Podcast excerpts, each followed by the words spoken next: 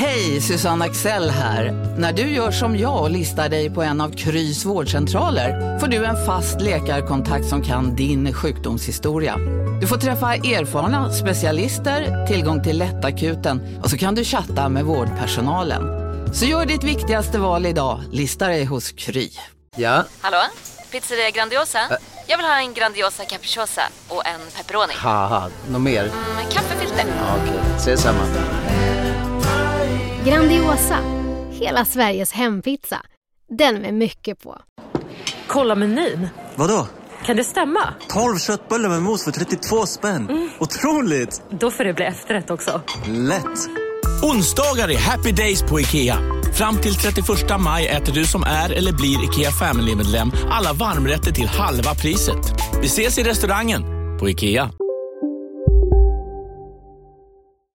Då säger vi välkomna till veckans avsnitt av Kulturbarnen! Woohoo! Hej! Med dig Ida Thirén. Ja, med dig Pontus de Wolf. Yes! Härligt. Hur är läget med dig? Jo, det är fint. Jag sitter hemma och skriver lite på min nya bok. Oh, spännande. Mm. Vad gör du? Jag sitter i min studio och mixar jullåtar. Okej. Det är det sjukaste. Det är liksom... Eh, ska man hinna ut med det nu i år, då måste man liksom... Då måste det vara klappat och klart så att säga. Ah. Nu i början av september. Eh, och som om inte det var nog att man vill ha ut det digitalt så har jag även bestämt att det ska släppas på vinyl. Det här jag håller på med. Okej. Och eh, som med allt annat så är det eh, covid-fördröjningar på en massa produkter. Eh, så att liksom det är 12 veckors produktionstid på till exempel en batch vinylskivor mot, Oj. mot motsvarande sju veckor ett vanligt år. Det här är någonting som är väldigt centralt för att eh, eh, det påverkar även sådana här härliga grejer som vattenkranar. Vi, vi byter ut några saker i vårt badrum. Då är vattenkranarna försenade till Oj. november. Eh, chipsen i så bilar och tv-spel gör att det står tomma chassin på fabriker och sånt där och väntar på sina chips från Men, Kina. men det är inte också på grund av det här med Suezkanalen som typ fortfarande är förseningar?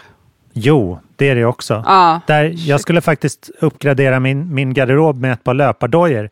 Ehm, och då var det så här Asics som ett Mm. Bra märke heter. Det där är De min killes hade- favorit. Han är besatt av dem. Ja, det är han som har köpt upp alla kanske, för de var slut. Han har typ 20 par eller något. De var just, eh, liksom dämpningsskummet var försenat för det satt i en container i Oj. Suezkanalen. Eh, så då fick jag köpa Brooks. Och det slängde mig tillbaka för att det var så här det, det, det sämre alternativet när jag var I typ Teenager. mellanstadiet. Ja, precis. Shit. Ja, Nej, men det är så sjukt när man håller på med såna här långtidsintensiva alltså kulturella uttryck. Typ min bok som jag skriver på nu, som jag har hållit på med i princip heltid i senaste året. Den kom, ska komma typ så här, preliminärt våren 23. Liksom. Så, så man bara sitter där så här, hösten Om det finns pappersmassa. 2020. ja, precis. Man sitter där så här, i september 2020, bara, ah, min bok kommer våren 23. Folk tror att man skämtar. Det är liksom så långa avstånd. Först ska den bli Ja. klar, sen ska den bollas fram och tillbaka, sen ska det vara ett omslag. Och, så, eh, och faktiskt, just nu håller jag faktiskt på också att bolla, eller jag fick precis bekräftelse på klart eh, pocket-omslaget för min bok. Ja, den nuvarande? Ja, alltså att omfamnat vattenfall kommer i pocket i mitten av ah. oktober. Eh, och jag fick precis sista korret på omslaget. Det ser faktiskt väldigt bra ut alltså. Gud vad spännande. Mm, jag blir nästan mer nöjd med pocketversionen nu, för nu har man tweakat de sakerna jag inte var helt nöjd med förra gången. Det kommer vara Just samma det. omslagsbild av Tamara Lempicka, 20-talskonstnär. Mm. Um, men nu kommer det också vara ett citat från Svenska Dagbladet på framsidan och ett citat från Dagens Nyheter på baksidan, alltså från recensioner. Och så massa mm. andra tidningar inuti när man öppnar boken. Eh, och sen har jag lagt till några meningar på baksidestexten på saker som jag kände själv så här, inte riktigt folk... Ja, men saker som en, man enkelt kan förtydliga, som jag kanske inte riktigt lyckats framgångsrikt med att kommunicera i boken, som folk kanske missförstått. Det tyckte jag Ah, att jag ja. kunde förtydliga lite grann, bara med någon mening på baksidan, så kanske, det, kanske folk läser det lite annorlunda istället för att eh, då gå till en slutsats som jag uppfattar inte var min mening. Nej, nej, nej. Till exempel har det varit flera stycken som bara, ah, den här kvinnan, alltså den här handlar om två personer, men samtidskvinnan hänger liksom bara på så här i livet. Och, Eller så, vad, vad som ser vad som, och för mitt perspektiv är det så här, ja hon vill se vad som händer om hon bara tackar ja till saker och bara, okej, why not, vad, vi får väl se vad som händer nu, eller är vi som i en bok. Medan flera läsare, speciellt yngre läsare har jag märkt, har uppfattat det som att hon är lite grann ett offer för omständigheterna, att hon är ett offer för patriarkatet och att hon tvingas och männen vinner. Liksom. Medan för mig var det, det väldigt annorlunda hur jag har tänkt när jag har skrivit. Att det är snarare att, eh, I och med att det är väldigt eh, självbiografiskt också, att, att snarare ett sätt att se- på saker som att jag vill se vad som händer, för att jag är ändå i kontroll i att jag väljer att följa med på de här sakerna. Det är liksom mitt val att se vad som ska hända. Det är inte så att jag slungas med, eller jag, eller jaget slungas med. Liksom. Så det vill jag kanske, jag la till någon mening på baksidan för att se om det hjälper folk att eh, förstå bättre, eller så har jag bara misslyckats att kommunicera min tanke till vissa. för vissa, vissa har ju fattat, eller fattat, men vissa har ju tolkat det som jag gjorde, medan andra tolkar Ja, ja, ja. Så att det kan man ju inte kontrollera såklart, men det är ju synd om folk ska tolka det på ett sätt som försämrar läs, eller gör läsningen mindre Mm. ange, angenäm, så att säga. Vad spännande att man får en så andra chans med pocketupplagan. Till att, man vill ju inte ändra i huvudtexten allt för Nej. mycket. Det, det känns ju som ett svart hål som man kan försvinna in i, i evigheten. Om man men lite börjar liksom extra med texten flera år senare. Precis, Men, för, jag, för jag lekte lite med den tanken också, att göra någon, lä- lägga till någon mening i boken. Sen kände jag också som Mm. du sa, att oj vad jobbigt det skulle bli. Och, vad går, vad går då gränsen plötsligt, hur mycket man ska ändra? Ja. Det är en annan bok plötsligt. Verkligen. Mm. Men eh, baksidetexten, nu kommer jag börja läsa baksidetexter på ett annorlunda sätt. vad, vill, vad vill författaren att jag sen- ska uppfatta? Ja, och sen kan man ju hoppas lite grann att eh, citaten från recensionen också hjälper folk på traven att läsa boken lite annorlunda eller på, på ett annat sätt. Sådär. Mm. Men det är så svårt, för min bok har ursprungligen varit runt eh, 1000 sidor och nu är den ungefär 280, tror jag den har varit nu i Oj, wow. vanliga, upp, vanliga boken. Liksom. Så Ja. det är så mycket som har strukits på vägen. Så till slut så vet man ju inte, och man blir också blind för man sitter fram och tillbaka med sin redaktör och sen kommer det nya redaktörer. Och man har läst den så många gånger så man vet inte längre, oj den är meningen som jag strök där, nu strök jag visst en till mening som säger samma sak. När man kanske först hade en, något som var övertydligt och så kanske man stryker på ett ställe så stryker man det igen och så plötsligt så är det helt o, outtalat istället. Så saker Ja, som men från början var väldigt övertydliga kanske nu inte finns med alls. Och jag tänker i mitt huvud att de är väldigt tydliga för de har varit det en gång. Men Mm. nu kanske de inte alls är det. Så, att, så det kan ju också vara sådana här grejer när man har redigerat så mycket i en bok att man inte vet vad som finns kvar eller inte. Så att jag är också ödmjuk inför Mm. att jag inte... Alltså resultat kanske inte är vad jag har tänkt mig i huvudet heller. Det vet inte jag. Man måste ju låta saker sticka ut lite för att få lite friktion Jo, verk. Precis. Men det är alltid jättesvårt det där. Hur mycket ska man liksom eh, våga gestalta och lämna till läsaren? Och hur mycket, det har vi pratat om tidigare i podden också. Ju, Ja. så här, hur mycket ska man lämna till läsaren? Hur mycket ska man ge dem? Så här. Det är ju en fin Mm. gräns det där. Som man kan fram och tillbaka i all evighet. Så sant, så sant.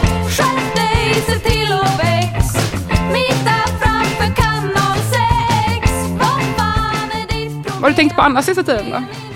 Eh, nej, men det har väl eh, hänt att eh, Kanye West har äntligen släppt sitt album nu. Världen har lyssnat en gång och sen glömt bort den, typ. Har du lyssnat på den? Eh, ja, det har jag faktiskt gjort. Vi pratade om albumet Donda, såklart. Vad tyckte Då- du? Det, jag tycker det är väldigt, eh, väldigt mycket nutid.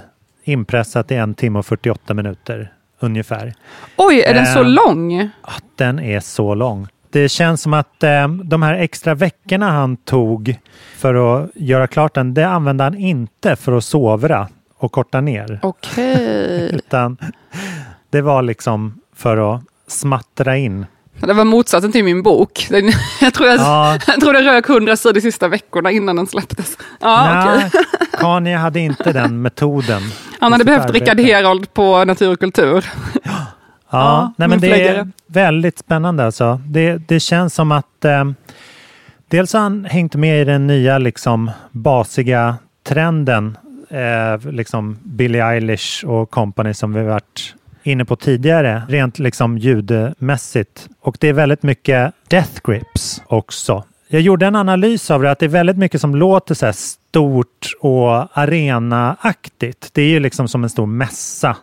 Eh, Mycket gudsreferat och sånt där. Ehm, och det påminner mig om att han, eh, han hade ett lyssningsparty i, i en stor arena för några veckor sedan. det här första. Känt från podden. Ja, precis. Och Från Gotlandsavsnittet kan jag säga. Exakt. Eh, och där i den miljön, när man liksom redan har mixat skivan för att låta som en arena. Om man kör det i en arena, liksom en gång till, då låter det bara så här swoosh, swoosh, swoosh. Liksom, Vid eko typ. ja, alltså ett eko på eko, det måste låtit inte så bra där. Så jag har en teori om att det var det som fick honom att noja lite, för att han fick ju inte så här stående ovationer på det gigget riktigt. Men annars så tycker jag det är, mm, det är upp till var och en såklart att ta in det här albumet på sitt sätt. Det finns ju några riktiga så här, liksom, hits som låter som hits. Ja, Och det gör det. Vissas melodin. Ja, det finns en, en låt som heter Jail och en som heter Hurricane som är riktigt så här Okej. typ poplåtar. Eh, men annars så tycker jag det är intressant att den släpps nu, för det känns ändå som att den har liksom speedat på de senaste dagarna lite grann. Och det tror jag har mycket att göra med att imorgon när det här sänds, alltså fredag den tredje, så kommer hans ärkerival Drake att släppa sitt efterlängtade album. Okej. Ehm, och då får man ju komma ihåg att det här är gammal klassisk Kanye-mark. Han eh, släppte sitt album Graduation samtidigt som 50 Cent släppte Curtis 2007, 11 september. Ehm, men Vilken skillnaden minns, då... man, vilken minns man mer? Precis, ja men det var, det var liksom uppgörelsen i den amerikanska hiphopen. Ska vi köra det gamla champagniga Dre-soundet eller har det gjort sitt och ska vi gå in på liksom eh, samplad soul och hela det här liksom kantiga eh, nyskapande som Kanye West stod för. Och Kanye West vann. Han vann ju överlägset skulle jag säga. Ja, sen dess har det ju låtit så. Ehm, Mm. Men eh, skillnaden på den tiden, om man jämför liksom hans fight mot 50 Cent, eh, eller vi har andra klassiska fighters som så Blur Oasis som släppte Country House of Roll With It samma dag. Eh, det var ju att då tävlade man ju om försäljning. Ah. Liksom. Och det kan man inte göra längre eftersom Mm. allt är på liksom samma, samma Spotify-abonnemang. Så nu tävlar man ju om tid istället. Alltså det är. Oj. den som lyssnas liksom på mest tid som vinner. Och lite så utrymme i sociala medier kanske. Exakt. Mm. Det är verkligen så. Sociala medier är ju liksom ens försäljningsyta för merch. Mm. Så, så, Ja, och marknadsföring. Typ enda marknadsföringsplats nästan. Ja, verkligen.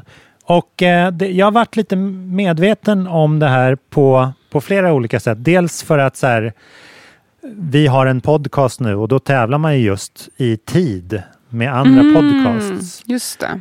Ehm, och jag har så här, äh, jag lyssnar väldigt mycket på ljudböcker. Det har vi varit inne på i podcasten hittills. Och då, då kan man liksom välja där mellan lyssna hur mycket du vill varje månad eller lyssna på en bok per månad. Som olika liksom abonnemangsformer.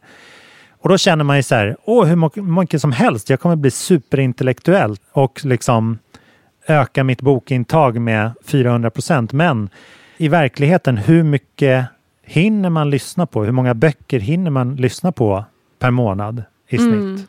Och då är det ju liksom en, kanske max två. Mm. Så att det, det är ju liksom ett helt nytt sätt att konsumera det här när det liksom inte kostar pengar utan det kostar tid.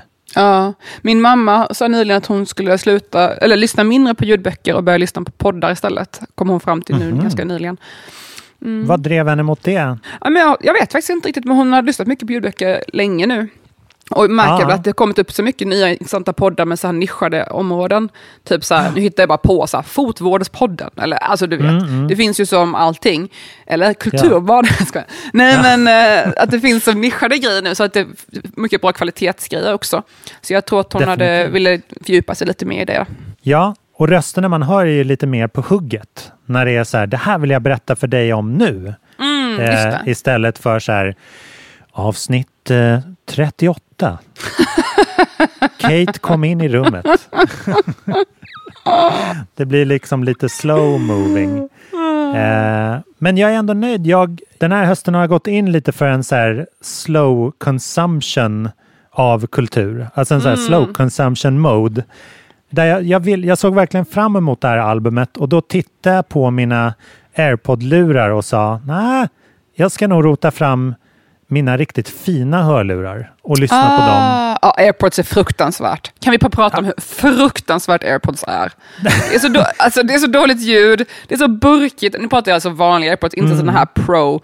Eh, Jag vet inte, jag, Nej, kan nej, inte, nej. Mm. jag kan inte säga hur det är med andra märken, men alltså dåliga hörlurar, det är fruktansvärt med musik, och diskanten och nej, nej. Ja. Men, men det kändes ändå bra och så, så här, och så märkte jag att så här, sladden glappar lite. Ska jag behöva tänka på det? Nej. Då beställde jag en ny sladd till mina fina hörlurar och så väntade jag tre dagar på att lyssna på Donda tills jag hade den nya sladden. Wow, respekt, respekt! Alltså jag, min respekt för dig är så djup just nu. tack, tack. så min upp, det var liksom lite som att så här, äh, vänta på att skivan ska komma med posten på ett nytt sätt. Just det, eller vänta på att Mm. ta på sig en varm tröja när man fryser lite och gå lite, lite för länge och fryser för att vänta in den här sköna känslan när man tar på sig en Ja. varm tröja. Men det, jag gjorde samma sak med en... Eh, exakt så. Eh, jag gjorde samma sak med eh, en ny Paul McCartney-dokumentär som kommer ut. Det kommer ut ungefär en per poddavsnitt. Eh, Men som han ska prata om med, med Rick Rubin om gamla låtar och sånt där. Och då har jag en kompis som jag ville se den med och så, så här, kan vi se den på onsdag? Och så kollade vi, nej, men jag kan se den den 8 september. Då, då kan vi käka middag och titta på den. Och då väntar jag tills den 8 september med att se den här hett efterlängtade dokumentären för att kunna se den tillsammans med min kompis. För då är liksom upplevelsen någonting helt annat. Det blir lite Ja. som att gå på bio. Vad gulligt.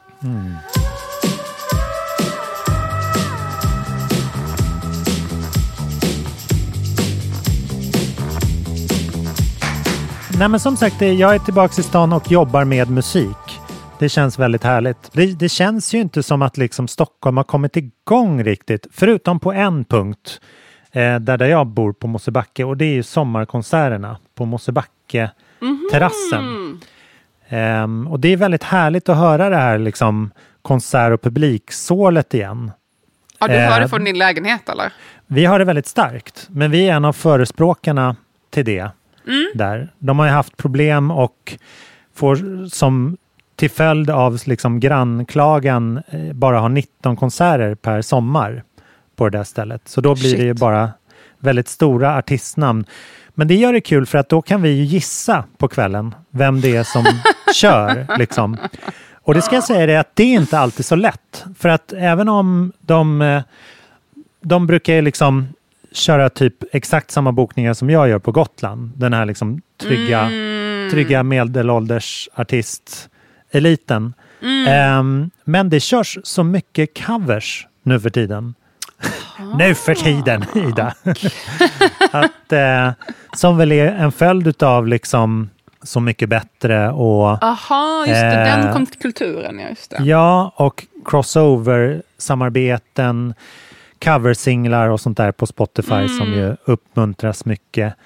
Ehm, som igår så var det någon så här, okej nu har jag en liten så här soulig trumpetorkester och sen så går den över i Sexy Back, alltså Justin Timberlake och sen är det en Roxette-låt och sen en Coldplay och sen eh, en Måns Zelmerlöw-låt. Så här. Eh, och då spoiler så var det Måns Zelmerlöw. Men fram tills dess så, så gissade vi ju på liksom en hel massa olika. Eh, men det Vilka var, ja, gissade ni vi- på? Nej, men dels så gissade först på Weeping Willows för att det var liksom det här pam- pampiga soundet. Och sen eh, på eh, The Soul Company. Och, eh, och sen så bara någon Blackness kom upp och eh, det, var, det var väldigt krångligt. Men, men även andra som så här, Anna Ternheim var svår att gissa för hon körde massa covers och Stefan Sundström hade gäster och så vidare. Eh, vi ser dem ju inte för då skulle, då skulle det Nej. här kännas som ett gammalt begrepp. Har ni så att ni typ bråkar i så bostadsrättsföreningen bara släpp kulturen fri, sluta vara så fördomsfulla, äh, flytta från innerstan om ni inte vill höra musik. Äh. Typ så. Definitivt, det, det gör vi. Men eh, det är också så att eh, de som får igenom sina klagomål är i första hand folk som bor i hyresrätter. Jaha, Eh, för i hyresrätt har man nämligen lite vassare rätt än om man bor i bostadsrätt. För då ska Alltså, man liksom... men alltså finns det hyresrätter på Mosebacke?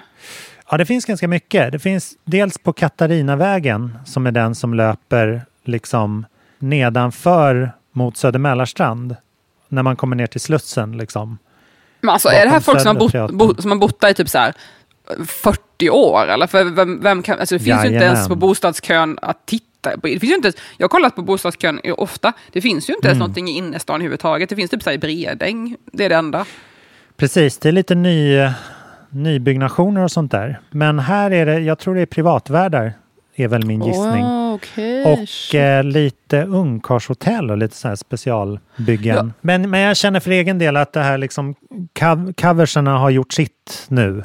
Lite grann. Mhm, Jag tycker det är så vägs ände. Jag, jag läste att SVT lanserar, programmet heter Save Tonight och eh, undertitel Svenska hits från musikvideoeran som kommer sändas i SVT1 den 25 september. Och eh, där ska det kanske ha lite att göra med att MTV fyller 40 år och att det liksom det var då ja, det liksom är i ropet kan man väl säga. Eh, Rebecca och Fiona ska vara med och eh, även mitt favoritband eh, Amazon ska känt från På spåret och eh, alla svenska kaféer som spelade deras eh, första skiva Sky City på repeat där för 50 år sedan. De ska tolka Eva Dahlgrens Vem tänder stjärnorna som är en av mina favoritlåtar Ja. eh, svenska. Men då, trots att det liksom blev den här liksom dunderkombinationen så sa mitt hjärta nej på något vis. Jag kan redan höra hur det här kommer bli. Jag är inte överraskad längre. Liksom. Jag tyckte det, det blir någonting ängsligt med bra möter bra. Om du Du måste överkompensera liksom. Ja, det är så här, ja men visst, de kan väl köra dem, men så här, det, nu flyter det så himla mycket ut över kanterna på vems musik som är vems. Och det, Just det. ja, jag tror det kanske har nått sin peak. Hoppas Ja, det i alla alltså- fall. Ja, alltså jag minns, jag hade ju ett band en gång i tiden, Oklahoma Trio hette det, Lo-Fi Indie. Eh, Lyssna inte på det. Mm. Vi behöver inte lyssna på det. Gör på det. Precis, vi släppte två skivor och ja, ingen lyssnade på dem. För det här var ju också innan Spotify och streaming och sånt, så att man fick- kunde ju bara sälja skivor till de som kom på en spelningar. Så vi kanske sålde Mm. så här, ja, under hundra skivor om jag säger. Vi spelade in två skivor och en EP. Och vår första EP var liksom bara heminspelad. Jag var typ gymnasiet fortfarande då. Mm. Jag kanske var typ så här 2003 och då gjorde jag en cover på 50 Cent in the Club. Och ja, det var så lite lo-fi variant. Och kort tid senare kom det en annan svensk singer-songwriter-tjej som gjorde en cover på en annan typ raplåt. Jag kommer inte ihåg vilken det var nu, men det var, jag måste faktiskt säga att det var faktiskt efter våran. Och jag tror inte de hade hört Ah. mig, det är inte det jag säger, men vi var ändå i tiden om man säger. Alltså vi, Ja, det, ja. det fanns något i luften som gjorde att båda två plockade upp Mm. den här trenden. Kan du minnas vad jag, vad jag menar? Det var nog 2003 Det är väl kanske. Petra Marklund eh, mikrofonkåt du tänker på? Nej, det var en, Eller? jag tror det var en amerikansk, Ah. det var mer, det var mer indie alltså. Jaha, och nej. Ja. Nej, men för det var ju liksom den första i Sverige, typ. Det, var, det, här, Som- nej, nej, det här var liksom innan, det här var typ, Mm. eh, typ, vad heter de? Typ Frida Hyvönen eller någon sån här liksom. Alltså den stilen mera. Alltså mer så här, Anna Ternheim. Ah. Jo, Anna Ternheim. Anna Ternheim, gjorde inte hon en cover? Hon gjorde en cover på Broder Daniels Shoreline Om du tänkte på det. Ja, det var kanske den då. Kanske, Men det var i kanske. alla fall lite i luften då, att man skulle göra lite så här Mm. alternativa, kanske någon lyssnare kommer på vad jag menar, men det, det, Ja. på något sätt så plockade jag upp någonting precis i början av det. Och det här var 2003. Och sen blev det Mm. ju ganska mycket en trend att man så här, lite oväntade akustiska tolkningar av olika stora kommersiella hits. Och det var väl Just lite så här, börja- oväntade, verkligen. Ja, exakt. Men Ida Thirén ska sjunga 50 Cent det är, och är Ja. 17 år indie-tjej i Jönköping. Det är klart att det, det, nu skulle jag tycka det var lite olämpligt kanske. Nu hade jag nog inte gjort det, men jag är lite mer upplyst nu. Eh, Men Framförallt skulle man inte bli förvånad nu. nu skulle man ju absolut inte, nu skulle man ju somna liksom om man gjorde det. Men då var det faktiskt väldigt Ja. så här, oj shit vad är det här? Ingen hade hört någonting sånt. Och Mm, jag tror att det var början av att så här, indie-kulturen började leka och tafsa på mainstream-kulturen lite grann och de började typ möta varandra. Och jag tänk, tänkte Ja. på en grej, alltså, jag pratade med um, Arvida Byström som är konstnär och kompis till mig. Vi pratade om det här för några år sedan, vet jag, det var många år sedan nu. Men just det här att när vi växte upp och var lite så alternativa tjejer och klädde sig lite annorlunda och sådär. Det var ju helt otänkbart att en så vanlig kille skulle gilla oss. Förstår du? Alltså så här, en sportkille skulle vara intresserad av typ en indie-tjej som har så här, 60-talsklänningar, det vill säga jag på gymnasiet. Ja. Det, det var liksom inte på kartan typ. Man kunde kanske dejta en kille som hade så här mods-stil eller någonting, eller så här, lyssnade på indie-rock, typ hade lite så indie-stil. Det var okej. Men att, bara tanken att man skulle dejta någon som inte hade en alternativ stil, det, liksom, det var inte på kartan. Man höll sig till på sin höjd angränsande precis. subkulturer, kanske en got eller någonting, men där var gränsen. Um, Mm. Men idag, det var hon, vi pratade om det här, och idag finns det en helt annan eh, acceptans och till viss grad sexualisering av sådana här subkulturella uttryck, för folk har exponerats för det mycket mer tack vare Mm. internet och sådär. Så jag tror inte att det är samma hårda skott mellan det där längre, utan mer så, aha, det här är min e-girl, som en senaste senaste, men en populär Just trend. eh, jag har en e-girl och min- här är killen som är lite mer, jag går på gym, jag vet inte. Det är inte en otänkbar Ja. kombination längre, men för 15 år sedan var det verkligen, fanns inte på kartan för mig i alla fall. Nej, då var, det var, ni var lite så här Kate Moss och Pete Doherty. Det kunde gått. Det Headlines, funkade. liksom. Det funkade. Ja, men de var ju ändå två lite så indie, ja, det kunde ju ändå hålla någonstans. För hon var ändå lite alltid, fast, ja men det, det det började Pamela någonstans. Anderson och Tommy Lee mer. Ja, det där var ju Worlds Collide alltså. Fast hon var ju så, hon, hon, hon är ju nästan kitsch. Alltså hon var ju så himla Mm. match att hon blev nästan kitsch. Så blev ju nästan lite alternativ. För att hon var ju inte, förstår du vad jag menar? Men i alla fall, jag, jag upplever att det, har, att det var, sista 15 åren har ju blivit en, så här, en merging av alla musikstilar. Ja, men så vi pratade om tidigare på den också, att man lyssnar på en playlist nu som är lite allt möjligt. Då var det bara så, jag lyssnar bara på indie. Det, var- det var Gud allt. ja, verkligen. Det var, var inte På det sättet är det ju bra. mainstream-musik. Jag tycker det är Nej. också väldigt positivt. Alltså, allt det här tycker jag är väldigt positivt. Jag har ett fler uttryck eh, accepterade. Eh, Och det har Mm. ju att göra med alla möjliga saker, även typ så här, sexuella uttryck, sexuella läggningar, så, eh, alltså om man, om man är trans eller om man är icke-binär. Och allt sånt här är mycket Mm. mer accepterat och vanligt nu än det var för bara 15 år sedan. Alltså det har gått så otroligt snabbt den här utvecklingen. Det ska man ju Oh, inte ja. eh, glömma. Nej. Nej, men jag har hängt ganska mycket på TikTok sista tiden och kollat på mycket bra videos som förklarar saker i olika områden och sådär. Och jag har tänkt på en sak, alltså Gen Z är ju väldigt, min bild av Gen Z, jag älskar Gen Z vill jag bara säga först, jag tycker de är helt fantastiskt inspirerande. Det är ju folk som är under 25 typ kan man säga, mellan typ 15 Ja. och 25. Och de är så öppensinnade och de har helt annan, det finns en helt annan baseline för vad som är okej. De utgår från liksom så här, ja, det är klart att man kan vara trans, man kan vara icke-binär, man kan vara många olika saker. Och det är lugnt. Där är liksom utgångspunkten. Medan för folk typ i våran ålder är det så här, jaha, oj, är du så där? Alltså, det är en helt annan grund för vad som är normal, eller anses vara normalt.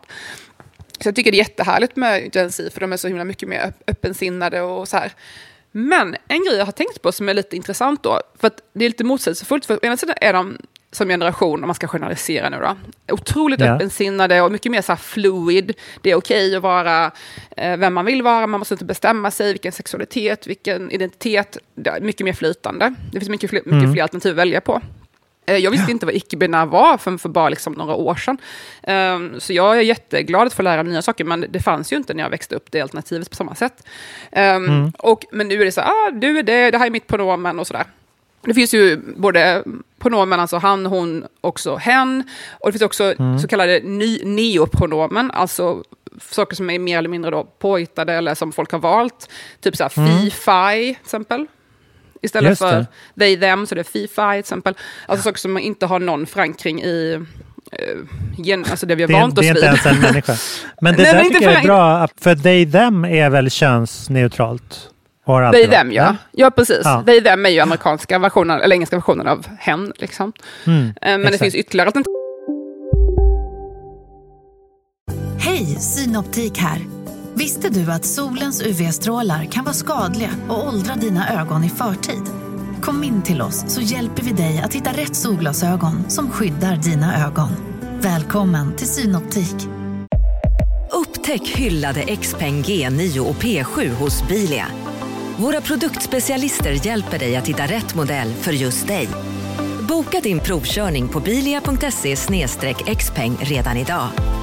Välkommen till Bilia, din specialist på XPeng. Nej.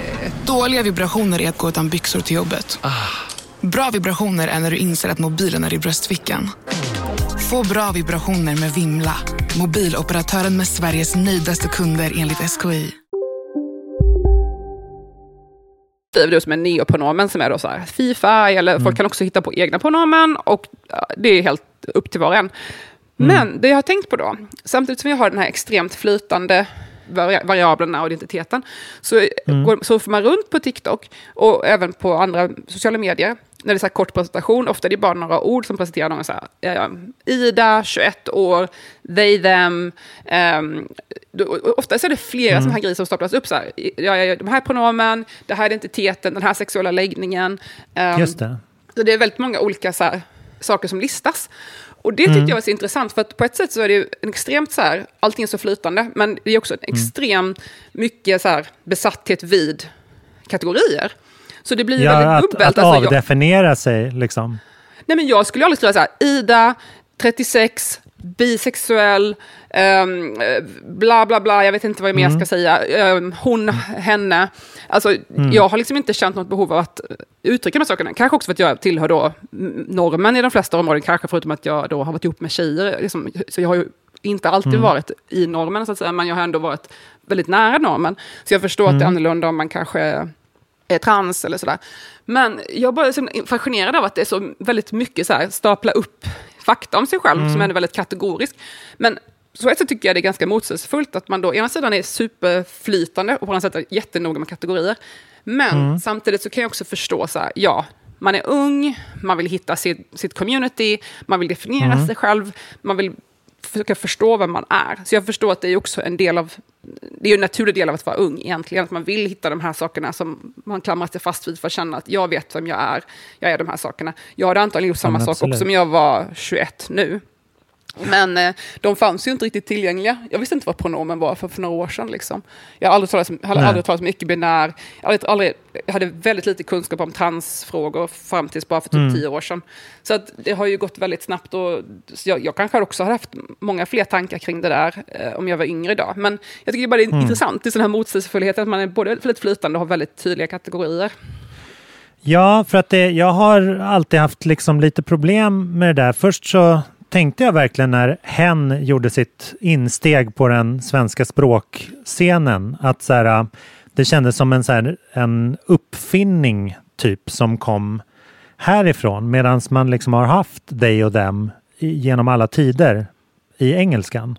Mm.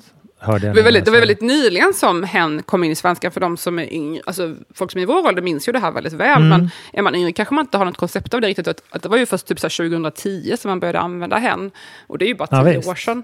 Så det har ju gått väldigt fort från att det var ett ord som jag i princip aldrig hade hört, eller så folk använde lite grann, alltså nästan lite Mm. skämtsamt. I alla fall utanför transcommunityt så var det verkligen ett ord som folk bara, haha, ska vi inte säga hen istället? Typ. Alltså det var verkligen Mm. ett, ett skämt typ, bland folk, kanske Ja. inte bara mig, men andra människor. Fram till typ 2010 skulle jag säga. Alltså att det har väldigt, gått väldigt fort att det nu är något som används i alla officiella papper. Och det har gått skitfort.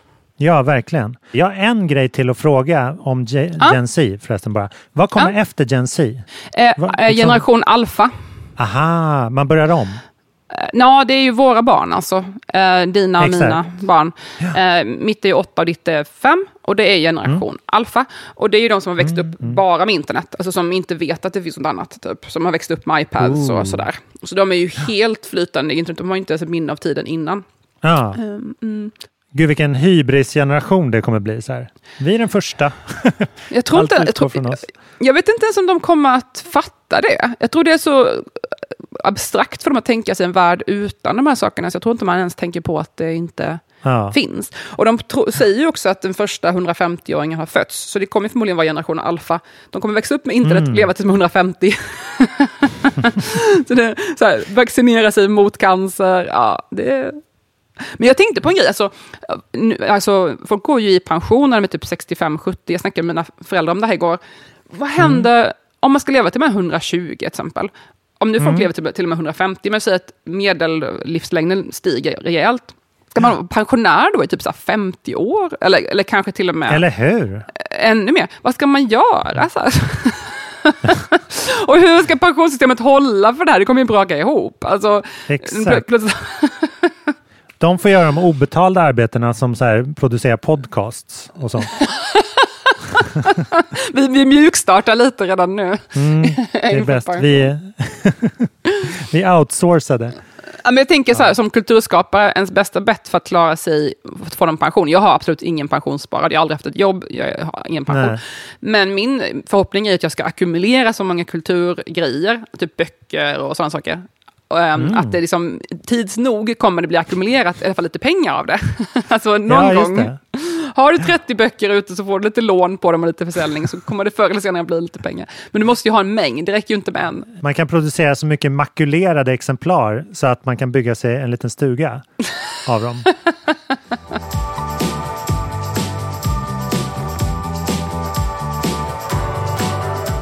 Men du Ida, ett band som eh, inte skulle ta en cover i sin mun är väl eh, veckans artist, eller hur? Jag vet inte, de beskriver sig själva som om Gyllene Tider var Gen Z. Aha! Det här bandet heter Duschpalatset. Åh, vad härligt. Mm. Men det är väldigt så tankeväckande. Och så här, öppna badhus. Ja, det är väldigt tankeväckande. Man blir ju så här, oj, hmm, hur ser ett duschpalats ut? Man börjar ju fundera Ja. lite grann. Eh, jag hörde dem eh, i helgen, i lördags. Eh, jag kan berätta mer om det strax, men det är kompisar till min kille, så jag har fått veta om dem genom honom. De har Mm. spelat ihop i snart fem år och de släpper ett album i november på skivbolaget Star Tracks och albumet ska heta Jaha. Baby. Nice. Och de kommer från Umeå, bandet.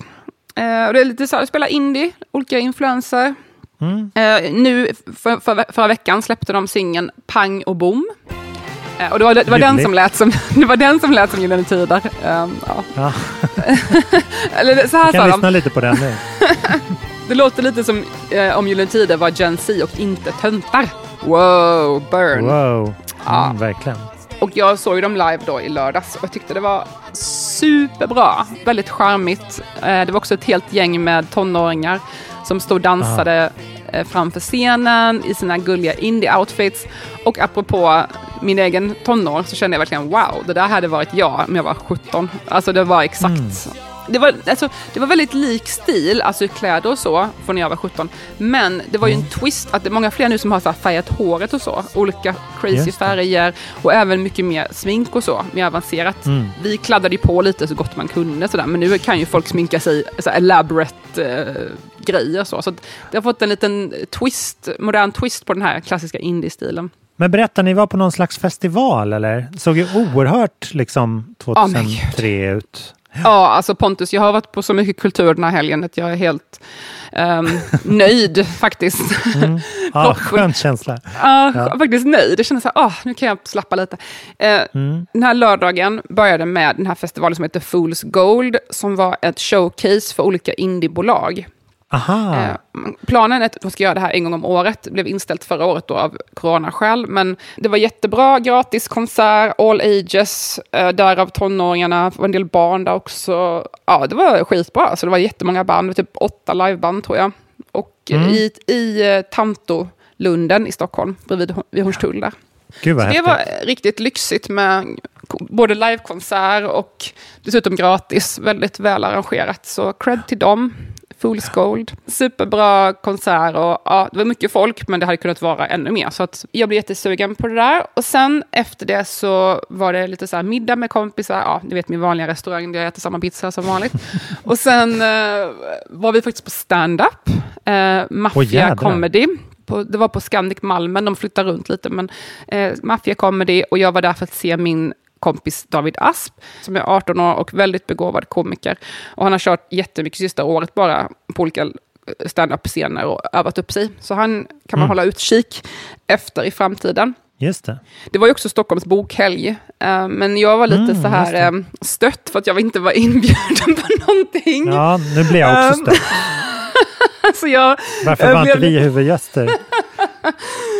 Jag kan bli lite tjurig med sånt där. Men jag har faktiskt varit lite besviken. Jag ska inte låta som en bitch, men alltså, jag är faktiskt lite sur för jag har inte blivit bjuden på någonting. Alltså min bok har blivit så här, jättefina recensioner i alla tidningar. Blir jag bjuden på någonting? Skrämmande. Nej, ingenting.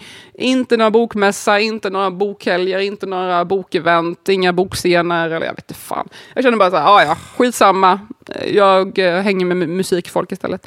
Men jag har också Låter alltid smart. haft lite lättare att komma överens med folk som håller på med musik och konst. Jag, jag, jag bondar mycket mer med dem jag gör med litteraturmänniskor har jag märkt. Ehm, Ja, jag gillar ju lite så här, bä, bä, bä, typ Max. Ja, jag, jag tar inte mig själv så jätte så allvarligt sådär. Jag vet inte om det är därför. Nej, jag men förstår. Jag förstår. jag upplever också att jag mycket mer blir förstådd av eh, konstmänniskor speciellt. De verkar fatta mig skitbra. De bara, ah, Ida, Mm. Och jag fattar dem, typ. Eh, Mm. Så det, jag vet inte. Jag är väl inte så himla seriös, typ. Jag vet inte om det är därför. Men Blir de förvånade när du säger att du är författare då? Nej, men de har jag, jag älskar ju konstmänniskor, för de är ju så här, "Aha, ja, ja, du gör din grej. Ja. Eller, eller så. Jag har alltid tänkt jag skulle, jag har alltid varit mer lockad att gå på typ konstfackfri konst och sen skriva, Mm. än jag har varit lockad att gå på skrivarskola. Förstår du? Ja, jag Alltså, förstår. har, jag har alltid sett på mig själv mer som en konstnär som har valt skrivandet som mitt uttryck, mer än liksom Mm. Akademiker. Så. Utan jag gillar mer det det, här det. fria i eh, skrivandet. Sen vet jag inte Mm. hur väl det speglar sig i det jag faktiskt skriver, men jag, eh, jag har bondat med Chris Krause över det här. Jag, eh, för Chris amerikanska Cross? författare. Nej. Chris, Ja. ja. precis. Inte bandet, utan författaren och konstkritikern. Vi har hängt lite grann och vi har kommit fram till det att vi båda två har lättare att bonda med konstfolk. Typ, för att det är som att vi tänker mer liknande på något sätt. Mm. Än i typiska litteratursammanhang. Ja, Eh, och sen, Att skriva är som att andas, Ida.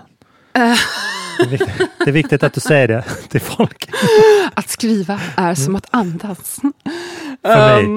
Ehm, för mig, ja, det skulle jag aldrig förstå. Nej, men alltså, jag hade ju jättegärna bytt eh, konstform. Jag hade jättegärna mycket hellre, jag hade nog, jag vet inte, jag hade, jag, hade jag det? Men jag hade ju gärna varit bra på att måla alltså. Ja, Ja, men det, det kommer. Jag har, kommer ju leva till 120, så jag har ju faktiskt 90 år på mig eller något. Ja, Ehm. och du får komma till Millesgården i helgen förresten. Där ska jag spela skivor. Oh my god, jag ska så komma till Millesgården. Jag är, Ja. jag, jag, är, jag är på väg till Millesgården redan nu. Jag sitter här och en- smider planer. En konstnär som heter Liselott eh, Watkins. Eh, Yes. Som född i Nyköping men målar från Italien.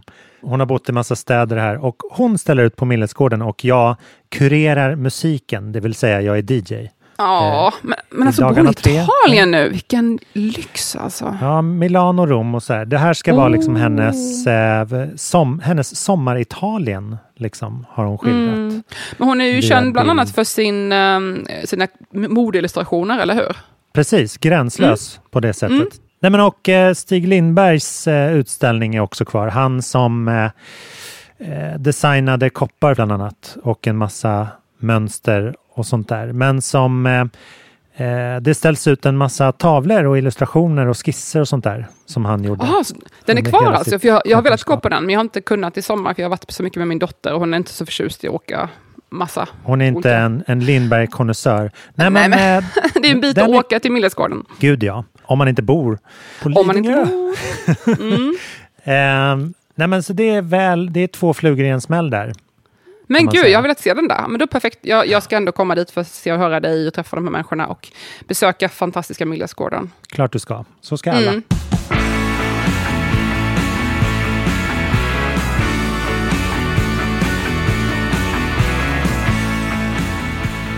lördags då, så Mm. apropå event. Mm. Så efter jag hade hängt med de här bandmänniskorna, klockan slog väl framåt ett, då var det dags att ta sig till nästa event den här dagen. What? Ja. Ja, du trodde att det var slut, men nej. jag hann inte ens hem och byta om, så jag fick förlita mig på mitt eh, goda sinne där klockan ett på dagen när jag lämnade huset och hade på mig Mm. någon tunn jacka. Men jag klarade mig och tog mig med tunnelbanan ut till Vårby gård. Ehm, vilket, för om man inte bor i Stockholm, det är en bit alltså. Det är inte så här Mm. i stan. Det är liksom Nej. utåt en bit bort. Ehm, så det var nog minst en halvtimme på tunnelbanan. Där i krokarna, Mm. på någon hemlig plats i skogen, var det ett rave. Nej men, dra på trissor. Och ni som har hört tidigare på den vet ju att jag lovade mig själv att aldrig mer gå på rave efter jag var på den här Lill-Dovas-konserten. Men eh, nu blev det så. Eh, det här var nämligen inte vilket rave som helst. Det här var nämligen ett som heter Pop and Air. Jaha. Det som, en av problemen sist var att det var massa fulla 17-åringar och det tyckte jag var ganska jobbigt.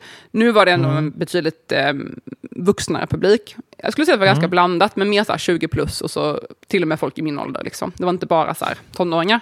Ehm, och det var lite mer popfokus som då titeln antyder. Det var lite mer eh, pophits och sånt som spelades. Ja, men för det är väl lite så här uh, synonymt med, med dagens rave att det inte är ravemusik. Det är ju det som är så sjukt! Alltså det här, här, vi har ju växt upp med så trance. vi ska på pop-rave. Egentligen är det ju bara ett, ett sätt att kalla en utomhusfest som är olaglig, typ. Eller inte- inte olaglig, men som är lite på gränsen. Ehm, Lite, som, lite suddig i kanterna. som, som drivs av en ideell kulturförening. Cred, cred till dem, vill jag säga. Jag tycker Ja. det här är kulturens... De gör ju inte det för att tjäna pengar, om man säger så. Det, som Nej, vi nej, pratade om tidigare, det kostar mycket pengar att sätta upp en sån här grej. Och det är väldigt sällan i proportion till vad det kostar. Så det är oftast ideella kulturföreningar som gör det här mer eller mindre gratis. Eh, Jag Visst. tycker det är fantastiskt, för, sätt, för att som du säger, Mosebacke, man får ha 17 konserter, då är det bara stora band. Vad ska alla halvstora Ja. band och små band ta vägen? Och sen också med alla regle- regleringar nu med corona. Det här är ju Mm. utomhus, så det gör ju att det är liksom lite lättare att um, undvika Verkligen. smitta. Det är en Så. perfekt form för dessa tider. Ja, det är väl därför det har blivit så stort nu, tänker jag, sista åren. De har ju märkt av jättemycket mer sådana här utomhusfester och rave och sånt där sista året. Ja. Ehm, och nu är ju så många människor vaccinerade också, så nu känns det ju lite mer tryggt att gå på grejer. Än, Jag hade nog inte gjort det för ett år sedan, liksom, men i Mm. alla fall. Så det var jättebra musik, det var, flera, det var tre scener kan man säga. Det var en sån här lounge air-område, och sen var det en Mm. liten livescen. Och sen var det en, bland annat, bland annat såg jag en eh, upp- person som uppträdde som heter Kid Vicious. ehm, som Mm. sjöng, jag kunde inte hitta någon Instagram, så att hjälp mig att hitta om det finns. Mm. Eh, och sen fanns det en ganska stor dansgolv där de körde pumpade hits och sådär, så folk dansade. Mm. Så det var väldigt mycket som en indieklubb för 15 år sedan, fast utomhus. En folkpark. Det var en... liksom- Oh my god, Pontus! Det får ju verkligen passa sig lite så att det inte det här coola epitetet rave liksom försvinner in i att bli någon så här raggarträff. Eller vem vet? Oh my god, är Det här- folkparkens återkomst vi bevittnar framför våra egna ögon? Vi trodde den var Shit. död, men den har bara It's just resting. Den Oh har liksom God. gömt sig under Den har varit i frysboxen under begreppet rave och nu Det är som alla de här sjuka virusen som har Smälter legat typ i Arktis som nu kommer fram igen och typ kommer ge oss här, inte ebola, men typ någon så här stenålderssjukdom som vi trodde var utdöd och nu kommer den tillbaka. verkligen, ja, men vi Har du hört kommer om liksom detta? se It's real, precis. it's happening. Låt mig andas. Vi kommer se sådana här liksom folk i tuppkam och vita, vita pupiller och så här helsminkade sjunga Bebopaloola här 2025. Alltså, Generation tror du att, alfa. Tror, tror du att tuppkammen kommer komma tillbaka? För nu ser man ju att den här mallet, vad heter det, är ju tillbaka nu. Mm, alltså det är väldigt mycket precis. Gen Z är ju den här eh, po- Alltså eh, hockeyfrillan. Ho- ja. Ja. Hockeyfrillan är ju tillbaka bland Gen Z. eh, Mm. Och ibland även lite äldre människor, men framförallt bland Gen Z. Eh, Så nu undrar man ju lite, kommer tuppkammen vara nästa? Man ser ju kids med dyra frisyrer. Jag såg eh, ett brödrapar som hade så här jävligt stylish pottfrisyr. Alltså så här otroligt minutiöst klippt. Och så här tonåringar som är klippta som Tom Petty. Du vet så här tunt och framåtkammat och en liten våg och sen stripigt i nacken. Oj, jag måste go- bildgoogla Tom Petty. Ja, gör det. Där har du, där har du generation alfa för dig.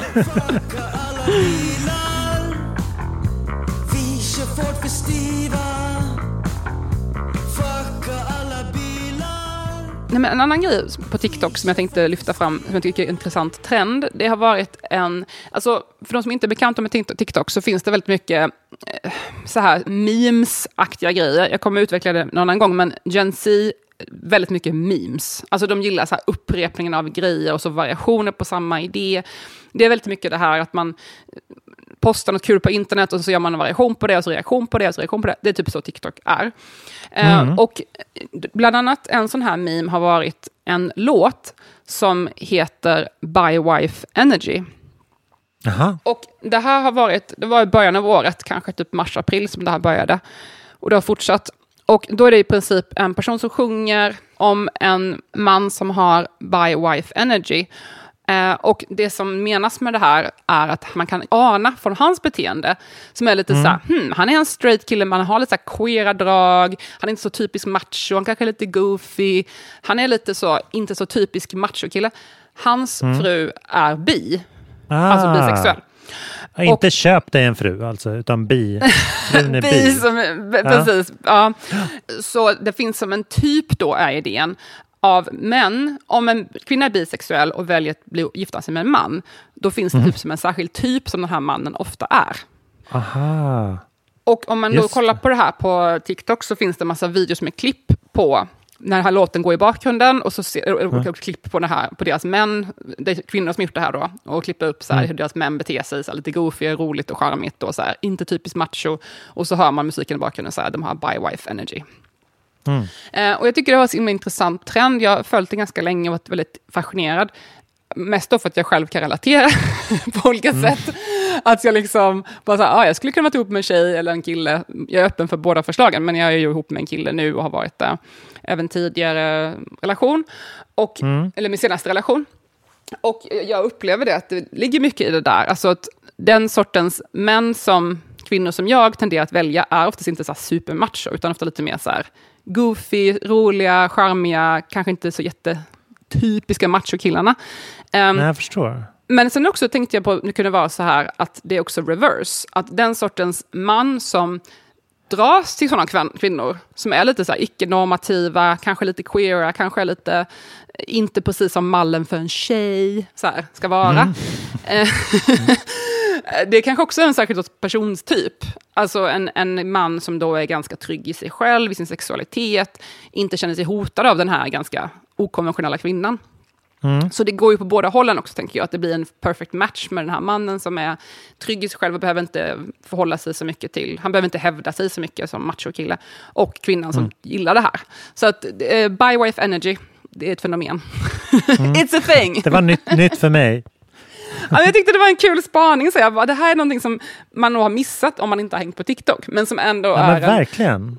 mm, en levande sak på internet och nu är ett begrepp. Det finns massa videos eh, som till exempel pratar om så här, åh, eh, Kristoffer i Frost har sån himla by wife energy. Okej, ja ja. Fan vad Du with fattar. it. Ja. Du fattar ju, ni som har sett Frost, alltså ni som har barn, Ja. um, eh, vet, Ni har sett väl många han- gånger. Ja, precis. Vi har sett den alla 30 gånger. Men Kristoffer är väl hennes kille som hon gifte sig med. Han som har den här Mm. renen eller så. Men han har, han har by wife energy, för han är liksom lite så... Han är lite goofy, han är lite relaxed, han bryr sig inte om att Anna är lite så här... Mm. Ja, det, är, det är Anna han blir ihop med, inte Elsa. Eh, han bryr sig inte om att Anna är lite så här kaxig och tuff och vill själv bygga saker eller fightas och så. Eller man ska säga. Nej, han, är det. lite så, Ja. han är lite så, ah, okej, så här, hänger på, han måste inte vara i centrum. Han är okej med att vara Mm. plus en. Liksom. Ehm, Man behöver inte ha en ren, man kan även ha en liten hund. Är det du eller? Exakt. och sen har vi till exempel um, Mr Adams i familjen Adams. Mhm. By wife energy. Just det. Ja, men det, det är också ganska så pilsk, ganska hög sexuell energi. I familjen, men i familjen Adams. I, i, de, nej, I de här förhållandena generellt som du tar upp. Ja, men det kanske är för att man har valt förhållanden för, för att man vill, vill verkligen ha det. Det är inte så här, Mm. åh, jag är en brud, jag borde ha en man, för då kan man eh, passa in i samhället. Utan så här, jag är Mm. en tjej och väljer den här snubben, för jag tycker han är nice. Inte för att Mm. jag behöver honom, men för att jag tycker han är nice. Så det, det är oftast Mm. folk som har verkligen valt varandra aktivt, inte bara för att normen har pusslat ihop dem. Typ. Nej, just det. Det är ju väldigt, väldigt eh, tydligt i Frost att hon säger nej till den här prinsen va? Som är Just Mer- det, han mer är lite macho. mer... Ja, men han är lite mer typiska machokillen kanske. Ja. Bra att vi fick in Frost här i vår analys. Nej, men det fanns massa exempel. Jag tänkte, ja, men det här är de som jag tror flest människor fattar, typ. för de andra var så himla nischade så här, cartoons och grejer, och det är ingenting som jag har koll på. Nej. artisten heter alltså Cringe Lizard på TikTok, Mm. som har gjort den låten. Och personen som sjunger är själv ehm, eh, queer transmaskulin, alltså transkille. Eh, Så det ju, finns ju lite så här skämtsamt det också, men jag tycker ändå det känns som en ganska gullig trend. Alltså den så här, det, är inte, det skulle kunna tolkas som så här, åh, vi, vi driver med män som tror att de är så himla woke och uh. Alltså man kan ju tolka det Mm. så också. Men jag tycker, man, jag tycker det är kul att tolka den som en mysig trend. Bara så här, ja, vad härligt med killar som är nice och som är utvalda av de här bisexuella tjejerna som kunde valt en tjej, men tycker ändå att den här killen är värdig att vara med. Ja, det är klart vi väljer den trend. tolkningen. Den är tusen gånger bättre. Så det var det om By Wife Energy. Ni vet ni vad det Ja. betyder.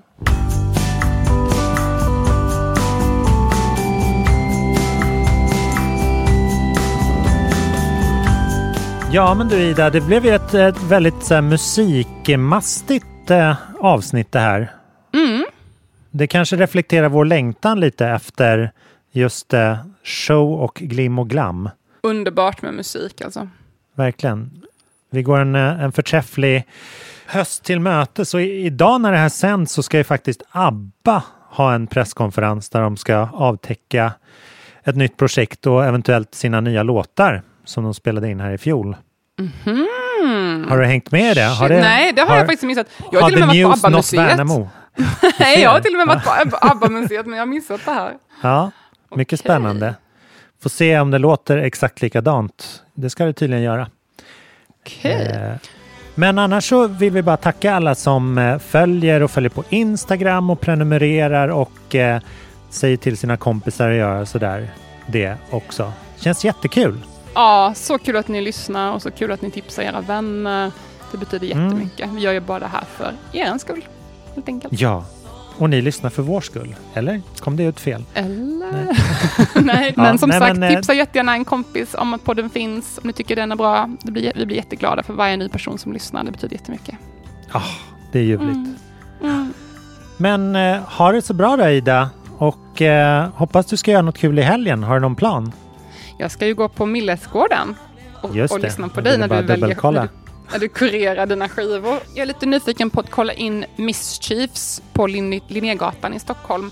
Det är som ett Mhm. space som har varit lite så här för kvinnor, icke-binära, eh, konstnärer och olika sorters kulturutövare som har haft Ja, ja. projekt de sista, sista ett eller två åren. Och just nu är det Minna Palmqvist, eh, modedesignern, som har en utställning där med lite mode slash konst som jag gärna vill spana in. Så det tänkte Mm. jag gå på. Och sen vill jag också passa på att tipsa att Göteborgs biennal startar i helgen. Så Mhm. om man är i Göteborg så kan man passa på att gå på konstbiennalen den här helgen som börjar. Den pågår ett tag, men den premiär nu i helgen. Så det kan man spana in. Jättemycket bra Kul. konst. Nej men eh, ha det så skoj så hörs vi snart igen. Jag kommer bara få spela italiensk musik på Millesgården förresten. Det ska bli Va? väldigt spännande. Ja, för att det är Visa sånt italo-disco tema. och sånt eller? Ja, you never know. Kanske framåt småtimmarna 14.40 på lördag. Nej, 1440. Oh my God. Alltså, det är inte en klockan... utställning, det är, det är liksom en, ett konstrave. Ja, precis. Jag kan ju gå vidare lyssna på till rave. opera och titta på kolorister. Jag kom hem klockan fem, eller var det klockan sex i lördags? Oh la la. Men jag var nästan nykter. Jag- var typ nykter kan jag säga också, men jag bara dansade så mycket. Jag var så himla glad att bara få dansa loss. Det var helt underbart. Jag gick ut med min hund 02 i natt. Då såg vi en grävling på Mosebacke torg. Den hade kommit vilse. Ungefär liknande Det upplevelse. där var väldigt on brand Pontus skulle jag bara säga. Verkligen. Det kändes det. Jag fattar. Okej, men vi hörs nästa vecka. Hej då! Ja, det gör vi. Ha det fett. Hej då! Hej då!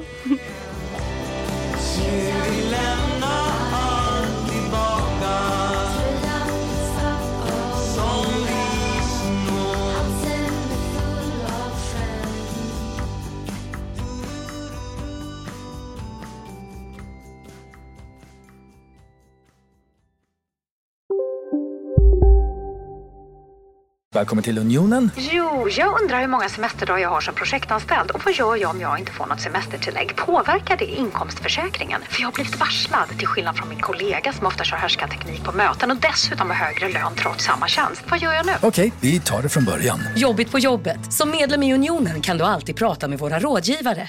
Nu ska du få höra från butikscheferna i våra 200 varuhus i Norden. Samtidigt. Hej! Tack. Jo, för att med så många varuhus kan vi köpa kvalitetsvaror i jättevolymer. Det blir billigare så. Byggmax. Var smart. Handla billigt. Dagens vinnarprognos från Postkodlotteriet. Postnummer 65209, klart till halvklart och chans till vinst. 41101, avtagande dimma med vinstmöjlighet i sikte. Övriga 10 500 postnummer, soligt och möjlighet att vinna. Oavsett när sommaren kommer till dig så kan du och dina grannar få dela på 48 miljoner i sommaryran. Ta chansen nu i maj på Postkodlotteriet.se. Åldersgräns 18 år. Kontakta stödlinjen om du eller någon anhörig spelar för mycket.